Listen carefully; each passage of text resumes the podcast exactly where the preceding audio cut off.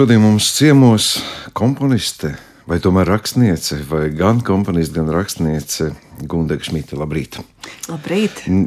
Jums pašai ir kaut kādas domas dalīšanās tagad, vai tas tomēr ir tā organiski? Nu, jūs, jums pašai tas nav nekas īpaši jauns.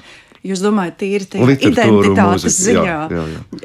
Uh, jā, nu, uh, kad jūs man pieteicāt par komponisti un rakstnieci, es iekšā, iekšēji nedaudz sarāvos, jo uh, kaut kā liekas, ka nu, rakstnieks tu tomēr kļūsti, ja tu tiešām gadiem regulāri jau publicējies, un, nu, jā, un ka, ka tai rakstniecībai arī tiek uh, pievērsts pietiekami daudz laika un enerģijas. Un, to redzēs, kā man dzīve risināsies uz priekšu, jo tagad šis debijas krājums, kas nācis beidzot klajā, un tā ir nemaz netik liela apjoma grāmatiņa, tā ir būtībā tapusi desmit gadu laikā. Jā, bet tomēr apjoms jau nenosaka. Gan nodarbi, gan intereses nu, apjoms ir tikai kā, kaut kāds rezultāts.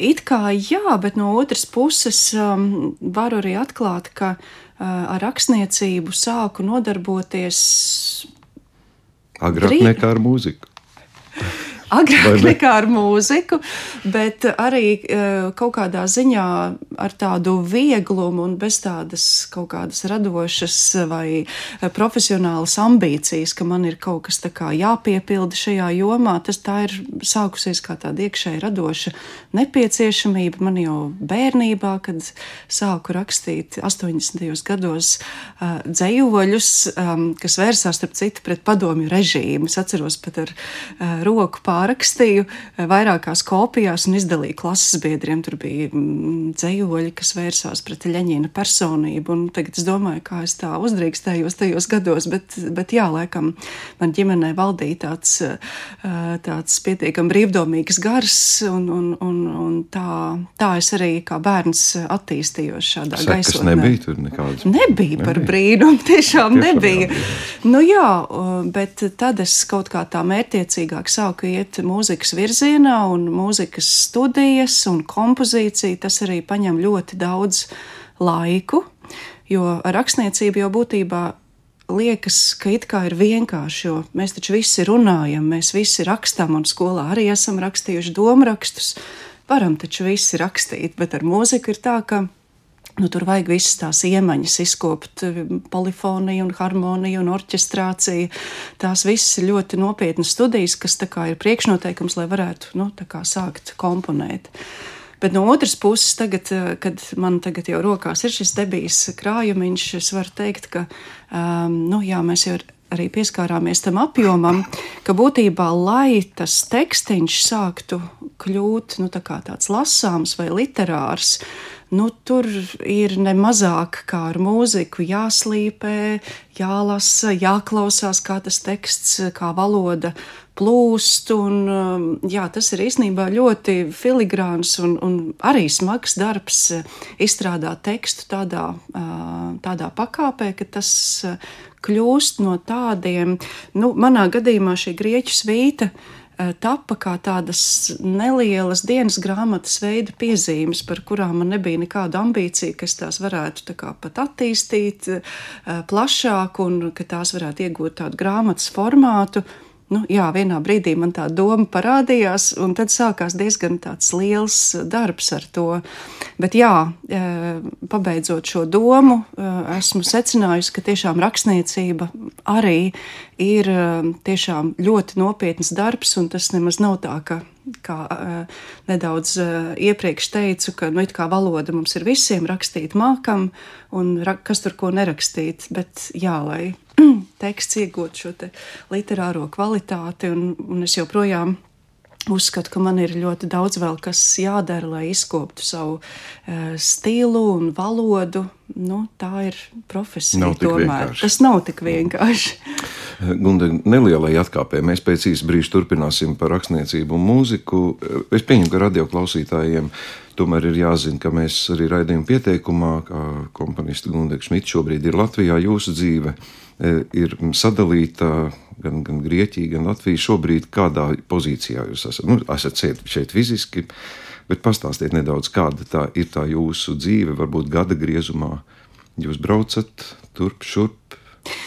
Jā, nu, es tomēr gribētu um, saistībā ar sevi teikt, ka uh, es neesmu pārcēlusies uz dzīvi Grieķijā, bet es dzīvoju divās valstīs. Uh, Jo tik tiešām um, desmit gadu laikā, kopš es dzīvoju arī Grieķijā, man tomēr ir izdevies saglabāt ļoti spēcīgu saikni ar Latviju. Es visus šos desmit gadus esmu arī turpinājusi būt mācību spēks Latvijas Mūzikas akadēmijā. Un interesanti, ka pirms Covid laikiem es jau tad eh, realizēju šīs attālinātās eh, lekcijas, pat attālinātās ieskaitas. Kā, tad, kad nāca Covid laiks un sākās visa šī zūma epopeja, tad tas man jau bija tāds pazīstams eh, formāts. Un arī nu, tāda profesionālā muzikālā darbība. Nu, tā ir pamatā tomēr šeit, nevis Grieķijā. Un nu, tas atkal ir tāds garš stāsts, kāpēc tā, bet eh, Grieķijā kultūra politika tomēr tiek vairāk eh, saistīta ar šo pagātnes mantojumu saglabāšanu, arheoloģija, muzeji un mazāk nu, ar tādu laikmetīgo mūziku, eh, kas ir vairāk tāda, tāda sporādiskāka parādība tur. Gundeg, nu, es atzīšos, ka jūs neesat ne tuvu, ne pirmā, ne vienīgā, kura savu dzīvi sadala ne tikai starp divām valstīm. Ir cilvēki, kas vairāk, un mēs jau sen esam nonākuši pie secinājuma, arī atskatoties arī Latvijas kultūras vēsturē, ka uh, kultūras bagātināšana ar to, kas nāk no citām zemēm un citām tautām, tā ir ienesusi ļoti būtiskas krāsas dažādās mākslās, gan glezniecībā, gan mūzikā, gan literatūrā.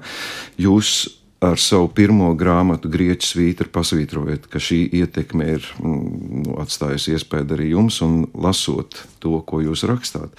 Man ir gandrīz vai žēl, ka es izlasīju, kas ir autors eh, šim, šiem eh, darbiņiem. Jo es nespēju atraut tās domas, ka jūsu dzīve ir saistīta ar mūziku, un nespēju atraut eh, jūsu dom, domas, ka jūsu dzīve ir saistīta ar divām zemēm. Eh, Grieķija ir atstājusi iespaidu uz rakstīto vai arī uz mūziku. Nu, es domāju, ka uh, Grieķija ir noteikti atstājusi iespaidu vispār uz manu personību, uz pasaules ska skatu, un, un tas jau izpaužās gan rakstniecībā, gan arī mūzikā. Uh, man faktiski tādi nu, tuvi draugi ir teikuši, ka man mūzika ir izmainījusies kopš es esmu um, pārcēlusies vai dzīvoju arī Grieķijā, un es pati to jūtu, ka varbūt līdz Grieķijai mana mūzika bija vairāk tāda uh, mierīgāka, tāda līdzenāka mūsdienāka, un kopš Grieķijas manā mūzikā varbūt ienāk tādas košākas krāsas, tādi krasāki kontrasti. Nu, man ārkārtīgi patīk daba un it īpaši kalni, kas, piemēram, Latvijā eh, mums šeit nav. Un, un, eh, kad vien ir iespējas braukt uz kalniem, un, un ja es tā atskatos to, ko es esmu uzrakstījis mūzikā, tajā brīdī, kad tu radi, um, nav jau tā, ka tu visu apzinājies tos un, un saproti iemeslus, kāpēc tev tieši tā prasās rakstīt. Bet jā, tur ir tiešām mm, pat tīri partitūrā redzams tāds augstāks reliefs, tādi lielāki kontrasti. Nu, ka liekas, pat mana mūzika ir palikusi tāda kalnaināka. Aha. Es nevaru tā priekš sevis arī noteikt, kas jums ir tuvākais no žanriem. Jums ir rakstījis ļoti daudz kameru mūziku, te pašā laikā ir gan simfoniskā, gan vokālā mūzika, instrumentālā. Jums ir kaut kādi tādi virzieni, kas jums ir īpaši. Nu, visā krāsa paletē, viss vienalga. Jā, nu, laikam, laikam man vistuvākais izteiksmes veids ir saistīts ar uh, ar balsi, vai tā ir kormūzika, vai tā ir vokālā kameru mūzika. Bet uh, no brīža, kad es dzīvoju arī Grieķijā, uh, man nāca piedāvājums sākt rakstīt simfonisku mūziku, un man diezgan daudz darbi ir tapuši tieši simfoniskajā mūzikā, un, ap citu, arī mans pirmais koncerts tipa skaņdarbs, koncerts akordionam ar orķestri tapis nu, tādā tiešā Grieķijas ietekmē. Tur ir viss Grieķijas ainavas, programmatisms, jūras krāsas un, un kalni. Tā, kā, jā, tas tā ir mana tāda Grieķijas muzikālā vizītkarte, šis akordeona. Paldies, koncerts. ka nelikāt man riskēt un minēt. Es jau biju ar tādu domu, ka šis koncerts tiešām ienes tādu. Ka, jā, tieši tā. Pie literatūras šo varam salīdzināt ar kameru mūziku. Noteikti, jā, tā tik tiešām ir kameru mūzika. Jā.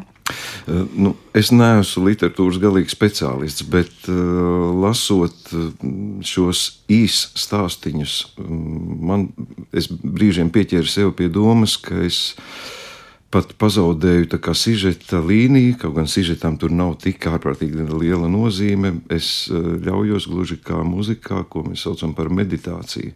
Tā ir kā tādas krāsainas, zin, impresionistiskas glezniņas. Jūs šo žanru kaut kā jau bijāt iezīmējusi, vai tas varētu būt tas jums raksturīgais literatūrā, ka jūs faktiski ļaujat tādām literārām gleznām Neesat Jā, par, par paldies, paldies par tādu interesantu domu. Um, atbildot uz jautājumu, man jāsaka, ka pirmais, kas man ienāca prātā, ir arī mana tieksme, arī kameru mūzikā komponēt ciklus, kuri katra daļa varbūt ir divas, trīs minūtes gara, bet tad veidot tādu uh, kontrastiem bagātu ciklu, bet kur varbūt katra tā pati uh, muzikālā vienība ir tomēr neliela. Kaut kādā ziņā arī sanāk paralēli arī uh, šajā grāmatiņā, kur ir 20 īstāsti, nu, arī tādi uh, pietiekami nu, koncentrēti, katrs savā domā, bet um, runājot par to, vai es to apzināti tā veidoju, būtībā jau it kā nē, no vienas puses. Jo, kā jau minēju agrāk, no sākuma nu, es vispār nedomāju, ka es rakstu grāmatu. Man bija tāda vienkārši iekšēja nepieciešamība, kad es uh, sāku dzīvot Grieķijā, vispār izpausties dzimtajā valodā. Man tā pietrūka. Jo ar savu vīru es runāju angliski un arī mācījos grieķiski. Un, um, mans dēls bija nerunīgajos pusauģu gados, ar viņu varētu būt runājis ļoti daudz latviešu, bet jā, tik daudz tas nesanāca. Tad bija kaut kāda tiešām tāda iekšēja dziļa vēlme izpausties latviešu. Izklausās ļoti patriotiski, bet nu, tā arī tas ir. Jo mūzika tomēr ir diezgan abstrakta valoda. Un, un internacionāli. Bet jā, man tieši bija kaut kāda tā atkal atgriešanās uh, uz rakstniecību caur šo nepieciešamību kaut kā artikulēt savas izjūtas Grieķijā, bet tieši latviešu valodā. Un jā, tad tās tapa, nu, pat drīzāk, tā kā es to nesauktu ne haikas vai tādi mazi brīvā panta, pat tādi e, dzēju tekstiņi, kurus es tad vēlāk sāku kā, apaudzēt un kā, izvērst nedaudz plašākus. Un tad vienā brīdī man likās, jā, ka tā varētu būt pat tāda Grieķijas dienas grāmata caur tādām portretu skicēm. Bet, jā, tad es tomēr izdomāju, portretu skices varbūt nebūs tas īstais nosaukums, un tā būtu grieķu svīta, kurā uh, katra stāsta varonis ir viens um, cilvēks, kurus esmu sastapusi dažādos apstākļos.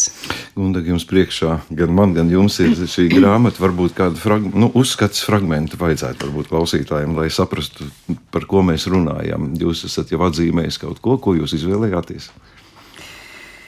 Šajā laikā, kad atgriežas atkal ziema Latvijā, varbūt ir vērts sasildīties ar kaut ko. Eh, klusuma tvanā. Kirjakos ir šis eh, stāsta varonis. Nami kā pelēcīgi cukurgraudi drūzmējas cits citam pie sāniem, antenu spokainie zari uz jumtiem translē karstumu. Ir pats dienas vidus. Temperatūras stabiņš uzkāpis līdz plus 45 pēc Celsija, pār pilsētas centra šaurajām ieliņām nolaidies spiedīgs klusums – Ik pa laikam to pārcērt kāda garām braucoša motocikla spalgā dārdoņa. Kad tā ir izgājusi uz tālē, šķiet, ka klusums kļuvis dziļāks. Pie Oresta ielas kafenona sēž sirmi kungi. It kā klusi svinētu šo vasaras pēcpusdienu, visi tērpušies baltos kraklos ar garām piedurknēm. Cienīgi un nekustīgi kā antīkas statujas atspiedušies uz kokas pieķiem, viņi vēro garām plūstošo dzīvi. Svelmīgajā klusumā vecie vīri pat nesarunājas savā starpā. Viņi ir kļuvuši par daļu no ielas. Viņi vienlaikus ir šie šaurie nami, viņi ir darbnīcas un tukšie skatlogi. Un saplēsājušais asfalts, kura juceklīgie laika raksti turpinās viņa tumši brūnajās, grumbu izvagotajās sejās. Saule ir pašā zenītā.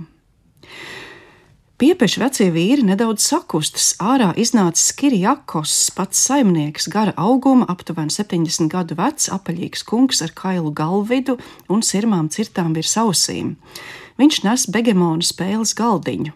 Atskan klusa murdēšana, kungi sasēžas ap to.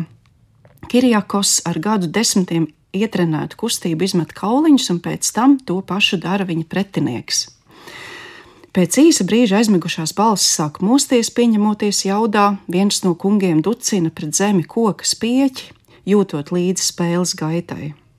Siestas sute ir nedaudz mazinājusies. Debesīs parādās daži mākoņi, kas aiztur nepielūdzami karstos saules starus. Dzīve ir atgriezusies, klusums ir iztvaikojis. Kafenona tumšajā dobumā čērkst kases aparāts, savus stingšķus monētas, mijoties ar šļocošiem soļiem un izsaucieniem dobjās piesmukušās balsīs. Piepeši atskan spraiga atkārtotu skaņu virkne, kas pakāpeniski vēršas plašumā, veidojot īsas melodiskas frāzes. Kņada pierimst, kungi, kas ārpusē joprojām spēlē begemonu, lēnām ceļas kājās un dodas iekšā.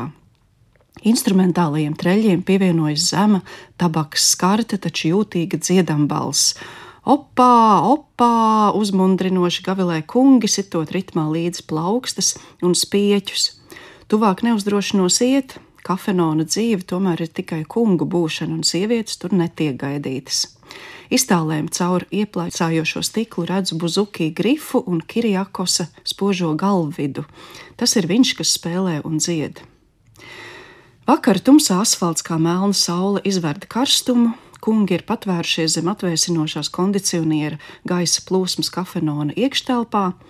Kirjakosa paradīzē uzplaukst plats televīzijas ekrāns, kurā tiek pārraidīts Eiropas čempionāts futbolā. Vecajiem kungiem pievienojies bariņš jaunu vīriešu, balsis pieņems spēkā par Grieķiju pret Sloveniju. Oresta ielas kafenonā dzīve ir pašā zenītā. Paldies, Gunde, es dzirdēju pavisam citas intonācijas nekā tad, kad es lasīju, kas man skanēja. Cik galvā. interesanti. Nu, tā ir literatūras priekšrocība. Mm. Uh, vēl jautājums, ko es riskēšu tomēr jums uzdot, jo jūs pat arī tā kā mazliet eh, minējāt šādu žanru kā dzēproza. Es atzīšos, ka esmu gan nevisai bieži, bet tomēr saskāries arī to, ka mūzikā tiek komponēta arī proza. Uh, Vai varbūt kādreiz mēs varētu sagaidīt, ka šī skaņdarba, gan mūzikas, gan teksta autori ir Guntega Šmita?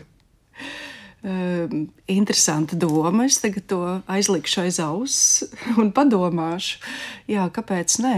Lai gan no otras puses esmu jau atsevišķus savus arī nu, tādus brīvā panta dzējas tekstus jau iaudusi savā mūzikā. Uh, piemēram, manā apjomīgajā ciklā plūdmaiņas koloratūra soprānam un pūtēju orķestrim viena no daļām arī rakstīta ar manu tekstu. Uh, Jo kādreiz tā ir, ka komponistam ir tā doma, tas tēls, nu, kuru, kuru gribās atrast kādā dzējolī, bet nu, neizdodas atrast. Un tad es pati skatījos pie saviem krājumiem, skatos, nu, man ir tas, ko man vajag. Un, nu, es tā nokaunējos, nu, kā es tur tā, citi tie dzēnieki, tur tādi slaveni, un tur Aspāzija un Gunārs Saliņš, bet, nu, es domāju, nu, man vajag tomēr to, ko es kā, redzu to tēlu. Un, Un ir, ir gadījumi, kad es esmu rakstījusi arī ar, ar saviem tekstiem, mūziku. Es nezināju, atsakot.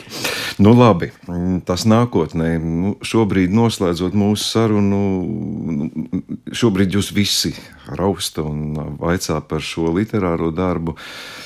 Es pavaicāšu par muzikālo, kas varētu būt tas, ko mēs varētu dzirdēt, varbūt tuvākā laikā, kādi ir jūsu grafiki plāni. grafiki un plāni ir ļoti interesanti un arī visai piesātināti.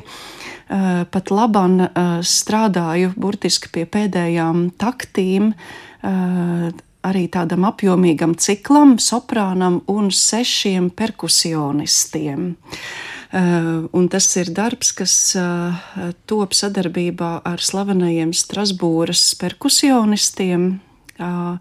Un eh, pirmā skaņojums ir plānots martā, uh, Minhenē. Un pēc tam Baltijas mūzikas dienās cēsīs 19. martā, un jā, soprāns būs lieliskā Viktorija Pakalniece.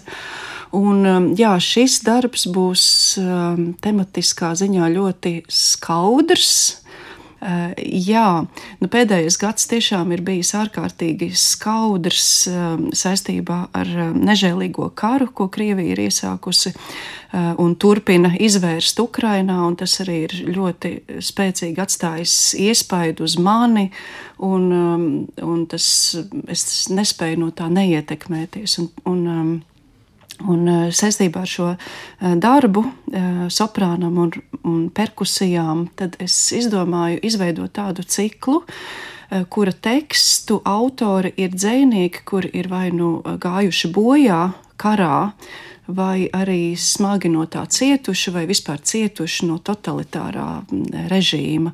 Un tad man ir Garsijas Lorkas teksts, viņš būtībā 36 gadu vecumā mira Spānijas civilajā karā.